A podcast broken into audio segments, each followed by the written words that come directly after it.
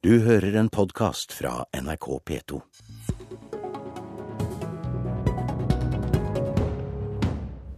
Første del av Utsirahøyden bygges ut med strøm, opplyser Statoil nå i morges. Men hva skjer med resten av området, og er dette nok til å oppfylle klimaforliket i Stortinget? Dette er Politisk kvarter i NRK P2 og NRK1, der både Statoil-ledelsen og miljøpolitikerne i Stortinget er med oss her i studio. God morgen, jeg heter Per Arne Bjerke. Ja, da er altså avgjørelsen tatt. For en drøy halvtime siden opplyste Statoil at første del av Johan Sverdrup-feltet i Nordsjøen skal bygges ut med strøm, i stedet for å driftes med forurensende gassturbiner. Johan Sverdrup er ett av fire felt på Utsirahøyden utenfor Rogaland og inneholder de største olje- og gassfunnene som er gjort i Norge siden 1970-tallet. Velkommen til Politisk kvarter, prosjektdirektør i Statoil, Øyvind Reinertsen. Det er du som leder arbeidet med Johan Sverdrup-utbyggingen. og Hva betyr den beslutningen dere nå har tatt? La meg først få lov til å starte med å si at dette er en stor dag for oss som har jobbet med dette feltet i de siste to årene. Vi fikk i går et enstemmig vedtak fra eierne på hvorledes vi skal, har tenkt til å bygge ut første fase av dette fantastiske feltet. Dette vil gi store inntekter til det norske samfunnet, sikre arbeidsplasser og ringvirkninger for norsk industri. Men samtidig er det et veldig omstridt prosjekt pga. forurensningen og CO2-utslippene. og Hvorfor har dere konkludert med at det foreløpig bare er deler av dette enorme feltet som skal bygges ut med strøm? Vi har tatt en forretningsmessig beslutning basert på de rammevilkår som vi ser gjelder, og kommet fram til at dette vil være det beste for Johan Sverdrup. Og gjennom en slik faset løsning så vil vi kunne greie å fjerne ca. 60-70% av den CO2-mengde som er planlagt sluppet ut i dette, i dette området. Og så gjenstår det da 40% og Hvor realistisk er det at hele Utsirahøyden blir elektrifisert? Altså hele Johan Sverdrup og de tre andre feltene? Når vi skal beslutte fase to av Johan Sverdrup, så vil en områdeløsning for hele området være ett av flere alternativer vi da ser på.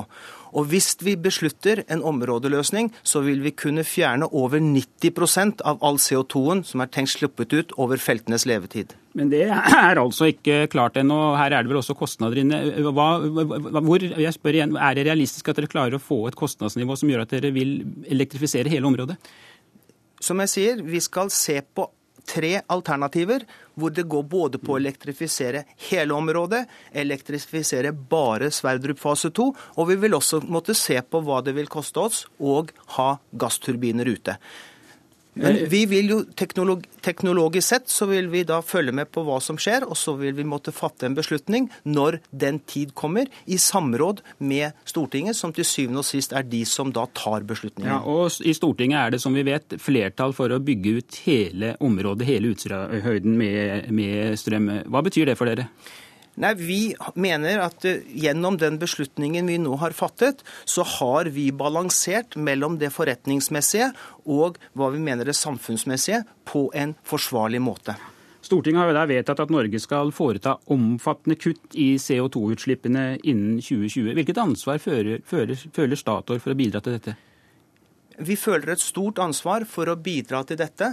Og det har vi jo da også bevist gjennom den løsningen vi i dag legger fram, hvor vi da tar store deler av CO2-en gjennom den, fjerner det gjennom den løsningen vi i dag har foreslått for Utsira, ja. eller for Johan Sverdrup. Nå har det svirret eh, mange tall eh, i denne debatten eh, de siste ukene om elektrifisering. og Hvor sikre er dere på de regnestykkene dere kommer med når det gjelder kostnader ved å bygge ut med strøm? Det har vært, Av mange årsaker så har det vært mange tall som har svirret rundt. Og, og, og, og, tallene varierer veldig avhengig av hva man tror er kraftbehovet over feltenes levetid. Som her snakker vi om en 40-50 år. Og hva utbyggingskostnadene er, og hvilke diskonteringsfaktorer man bruker. Men, men, men til syvende og sist så tror jeg det at eh, vi må, vi må, fatte en beslutning nå som er forretningsmessig og samfunnsmessig forsvarlig. Og så vil vi måtte jobbe videre med den tekniske løsningene for å se om vi også kan bidra videre når vi skal beslutte de neste fasene av Johan Sverdrup. Ja, du snakker om samfunnsmessig forsvarlig, Reinertsen. I hvilken grad vurderer dere da de samfunnsmessige kostnadene med økte CO2-utslipp? Hvis vi, hvis vi, går tilbake og ser på hva rammevilkårene er i dag, så snakker man om at hva som er samfunnsøkonomisk forsvarlig, så er det en summen av hva som er CO2-avgiften vår og kvoteavgiften vår. I dag så er det ca. 450 kroner per tonn. Og med den beslutningen vi har fattet, så har vi en mye større tiltakskost enn et slikt tall. Takk skal du ha, Øyvind Reinersen, direktør i Statoil. Og mens eh, du forlater studio, så skal vi få inn eh, politikerne fra Stortingets energi- og miljøkomité, som har sittet på gangen og hørt på deg. Vær så god, kom inn og ta plass ved mikrofonen her. Heikki Eidsvoll Holmås eh, fra SV, hva er din kommentar til det du nå har fått høre fra Statoil-ledelsen? Nei, Statoil velger jo nå sammen med de andre som ha, eh, som bygger ut Johan Sverdrup, å trosse det som er Stortinget sitt eh, enstemmige mål om å elektrifisere hele Utsirahøyden. Og det er veldig alvorlig, for hvis eh, landets rikeste selskap ikke er villige til å være med på å sørge for å kutte klimautslippene, men istedenfor kommer til å øke de i årene som kommer, hvordan i all verden skal vi da gå til resten av befolkningen og si dere må være med på denne viktige klimadugnaden? Nå sa jo nettopp Statoil-direktøren at man vil fjerne 60% av CO2-utslippene. Er ikke det et godt stykke på vei? Nei, for virkeligheten er jo at vi, um, når vi tar investeringer i dag, så er vi nødt for å tenke på at om en 20-30 år så må alle de investeringene sørge for at vi ikke forurenser klimaet på kloden i det hele tatt. Vi skal altså kutte en 80-90, kanskje ned mot 100% av utslippene våre fra Norge i de neste tiårene som kommer, hvis vi skal klare å redde, og, redde, kloden og stoppe de farlige klimaendringene. Vi ser vi har den største flommen på 200 år i England, den største tørken på 500 år i USA. og Da, da sier det seg sjøl at dette er alvorlig, og det er det vi er nødt for å legge som grunnlag. Kjell Ingolf Ropstad, Kristelig Folkeparti. Hva betyr dette for klimaforliket i Stortinget, der målet er omfattende kutt i CO2-utslippene innen 2020? Ja, Det betyr at det blir særdeles vanskelig å nå. Eh, hvis en tenker i utgangspunktet at en får rense halvparten, dersom det stemmer, og jeg forbehold om at jeg vil gjerne se alle tallene før eh, til de endelige avgjørelsene her, men, men hvis en til utgangspunkt i at en får rensa ca. halvparten, så vil eh, klimagassutslippene øke med eh, opp mot en halv million tonn. Det vil tilsvare ca. 1% av Norges nasjonale totale utslipp, og det igjen er ca. 200 000 biler. Så når du tenker på klimaforliket, så er det ekstremt dårlig. Men jeg vil framholde at det viktigste som Stortinget har sagt gjentatte ganger, det er at vi har et mål om å få til en områdeløsning. Og jeg vil understreke hvor viktig det er å få til områdeløsningen. For da kobler en de ulike plattformene sammen, og gjør det mulig at i framtida, hvis det kommer flere, så kan en koble til enda flere. Og en kan også koble til eksisterende plattform som allerede er der ute, som igjen gir et stort potensial at når det eventuelt må byttes ut turbiner, så kan det renses flere. Og da oppnår du en total og den best mulige og den billigst mulige klimaeffekten ut av en sånn investering. Tina Bru, representant eh, på Stortinget for Høyre. Dere er jo med på klimaforliket. Hva synes du om det du har fått høre fra Statoil nå i morges? Jeg syns først og fremst at det er eh, svært bra at eh, Johan Sverdrup-feltet blir eh, elektrifisert fra dag én. Det er utrolig viktig, for det er det største feltet på Utsirahøyden. Det er det som vil stå for den største andelen av de totale utslippene. Ved å elektrifisere fra dag én så vil man kutte de fremtidige utslippene med hele 60-70% kun med denne løsningen, og det er veldig bra. Men så er det viktig å si at i det alternativet som Statoil har lagt frem i dag, så er det ikke slik at en områdeløsning er fullstendig utelukket. Den diskusjonen er ikke av bordet. Eh, nå er det viktig at eh, OD får tid til å se på de, eh, de tallene som kommer fra Statoil, se på konseptet. Og så skal man ha en åpen, bred, opplyst debatt om dette i Stortinget på et riktig faktagrunnlag som alle partiene kan være enige om er godt, sånn at man kan diskutere fremtidige løsninger ja. for hele Utsirahøyden. Men er det mulig å nå de målene i klimaforliket som dere jo er med på, uten å elektrifisere hele dette enorme området? Det er jo altså snakk om det største feltet på norsk sokkel siden 1970-tallet?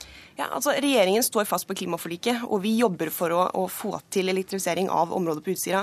Men det handler også om kostnader. Det tror jeg vi kan være enige om. at Man kan ikke elektrifisere for enhver pris, eh, men man skal prøve å få det til. Men det får vi nå et grunnlag for å gjøre òg, og debattere dette i Stortinget og se fremover hva man skal gjøre i fremtiden. Heikki Holmås. Ja, jeg mener det er helt nødvendig å innkalle statsråden på teppet til Stortinget så raskt som mulig for å få en debatt om dette. For i utgangspunktet så kommer ikke Stortinget inn i behandling av denne saken før neste vår. Og det er altfor seint. For hvis regjeringen skal gi beskjed til Statoil om at de er nødt for å endre sine valg og sørge for at det blir nok kraft fra land til at vi slipper alle de forurensende gassturbinene eh, som de bruker eh, offshore for å, for å drive sin, eh, sin, oljevirksomhet, ja da er vi nødt for å få han inn. Så jeg vil ta et initiativ for å innkalle statsråden på teppet. Men jeg synes jo at det er en ting som er ekstremt viktig her. Og det er at skal vi få dette til, skal vi få til eh, ren kraft fra land istedenfor forurensende gasskraftverk ute på plattformene, da krever det en regjering som sier at dette skal vi få til. Men det vi har opplevd, er jo et Tord Lien og en miljøvernminister, og nå her også Tina Bru, som, eh, som ikke er tøff mot oljeselskapene, men tvert imot sier vel, vi er nødt for å vurdere og vi er nødt for å se, og, og, og kostnadene må ikke gå i veien, og, og alt dette her. Og da Eh, viser du ikke handlekraft. Ropstad, mener du at statsråden bør innkalles på teppet? Dere er jo støtteparti til regjeringen. Ja, om man skal kalles inn på teppet, syns jeg alltid er et sånn interessant begrep. Men det viktigste er iallfall det som Tina Bru sier, at nå må, må, nå må tallene gjennomgås. Vi må få fakta på bordet. og Der støtter jeg Heikki Holme og sier at jeg tror det er lurt i en så stor og kompleks sak at fakta faktisk kommer til Stortinget, og at komiteen får lov til å se litt hva som ligger til grunn. Fordi det, det som er klart i denne saken, er jo at Stortinget har gitt tillatelse til både Gina Krog og til Edvard Grieg til å bygges ut med sterkt forurensede gassturbiner. Men de skal slås ned når kraft fra land kommer. Og hvis nå ikke kraft fra land kommer, så vil de fortsette å svive. Men det betyr jo at de plattformene i utgangspunktet er forsynt med strøm. Og hvis de får en milliardregning fordi at en lykkes med kraft fra land, og at de må delta i det spleiselaget, så kan jeg jo forstå at de ikke har hatt et stort ønske om å bli enig med Statoil om å finne en løsning. Og Derfor så øver vi det andre poenget mitt som jeg syns er viktig. Det er det at eh, vi har nettopp vært gjennom en Mongstad-høring eh, der eh, regjeringspartiene stilte store spørsmålstegn med den rød-grønne regjering av behandling av kostnadsanslag osv. Da er det ingen grunn til at en ikke skal stille de samme spørsmålene igjen. Kvalitetssikre tallene, få uavhengige analyser, og så være trygg på det faktagrunnlaget. For det er tiltakskost og kostnaden som må avgjøre. Men i dag så er det sånn at kvotepris og CO2-avgift det vil tilsvare ca. 450 kroner. Det betyr at staten må betale 450 kroner på hver eneste tonn de slipper ut. Da er det jo mye bedre at de bruker de 450 kronene på å elektrifisere, slippe utslipp, istedenfor å betale i avgifter. Tina Brun, nå sier Heikki Holmås at du ikke er tøff nok mot Statoil. Er dere ikke det? Jeg hva, jeg føler at eh, både jeg og statsråden har vært eh, klinkende klare i at vi står på klimaforliket. At man skal ha en grundig gjennomgang av tallene. Jeg ville jo egentlig tro at SV skulle være litt glade i dag, fordi ikke bare får man full elektrifisering av, eh, av Johan Sverdrup, men i tillegg så har man sagt at muligheten for å diskutere en områdeløsning er ikke tatt av bordet. Det betyr at Stortinget vil få mulighet til å diskutere dette fremover, i lys av de vurderingene som OD nå skal gjøre. Det er bra. Men da man må glemmer, da glemmer du at. Edvard, for da glemmer du at Edvard Grieg startet opp fra 2015 og Gina Krog fra 2016 ca. Og det, det store kraftbehovet kommer i begynnelsen, så det høres helt eh, absurd ut at en skal ha en områdeløsning i 2022-2023. Da er de største utslippene på de plattformene allerede tatt, og derfor må du komme tidligere inn. Ja, og nettopp derfor skal vi men, ha debatten i Heikki Holmås, du virker jo ikke spesielt glad. Nei, jeg er ikke spesielt glad, fordi at eh, det er altså sånn at vi ser at klimaendringene på kloden de, eh, de skjer, og de er begynt. Og vi har bare sett forsmaken på det. Og Hvis vi ikke er villige til å stille tøffe krav til oljeindustrien, som er de største forurenserne i Norge, og de som mest har økt de siste årene, ja vel, altså da har vi ingen sjanse til å nå den målsettingen om å redusere de norske utslippene. Og her er min utfordring til Tina Bru. Din olje- og energiminister og din miljøvernminister har ikke vært i stand til å svare på det enkle spørsmålet at når utslippene går opp fra nettopp den utbyggingen som nå skjer For det kommer de til å gjøre hvis vi ikke stiller fulle krav, like tøffe krav som Stortinget har krevd. Hvis utslippene går opp, hvordan i all verden slags andre steder skal du da kutte for å klare å nå de, de forpliktende avtalene om, eh, om å redusere klimautslipp som dere har inngått? Ja, ja Tina Bru. Ja, altså Regjeringen har sagt at vi står på klimaforliket. Det gjør vi uansett. Hvis det betyr at vi er nødt til å ta utslipp andre steder fordi man ikke klarer å realisere alt på Ytterøyhøyden, så må man se på det. Det er en diskusjon man må ha. Men jeg er ikke bare opptatt av lokale utslipp i Norge, selv om det også er viktig. Men man må se på det totale klimaregnskapet. Det, er må jo være en grense. utslipp i Norge dere snakker om i Jo, det er sant, men man er nødt også til å se at det er en grense for hva man skal betale for å redusere utslipp i Norge, som man kunne redusert enda større mengder av i utlandet med de samme pengene. Men, men, jeg- men jeg opplever ikke den samme motviljen fra Høyre som det Heikki Holmes gjør. Og som et støtteparti eller et samarbeidsparti til regjeringa, så er jo vi opptatt av å kunne gå i dialog. og Derfor så opplever jeg at Tina Bru, og det er jo Tord Lien har sagt før, at, at nå skal vi gå gjennom kostnadene. Det er et mål om å fremdeles lykkes med områdeløsning. Dette er Statoil sitt konseptvalg. Saken er ikke avgjort, men nå må det jobbes. fordi når saken kommer til Stortinget om et år, da er det som regel for seint å gjøre noe. Og det ville vært pinlig for regjeringa å måtte gå på et nederlag pga. at Arbeiderpartiet faktisk støtter de andre partiene her i Og denne der, saken. der må jeg si takk til dere alle sammen. Dette er en sak vi kommer tilbake til utover dagen. Det var Politisk kvarter med Per Arne Bjerke her i studio. Du har hørt en podkast fra NRK P2.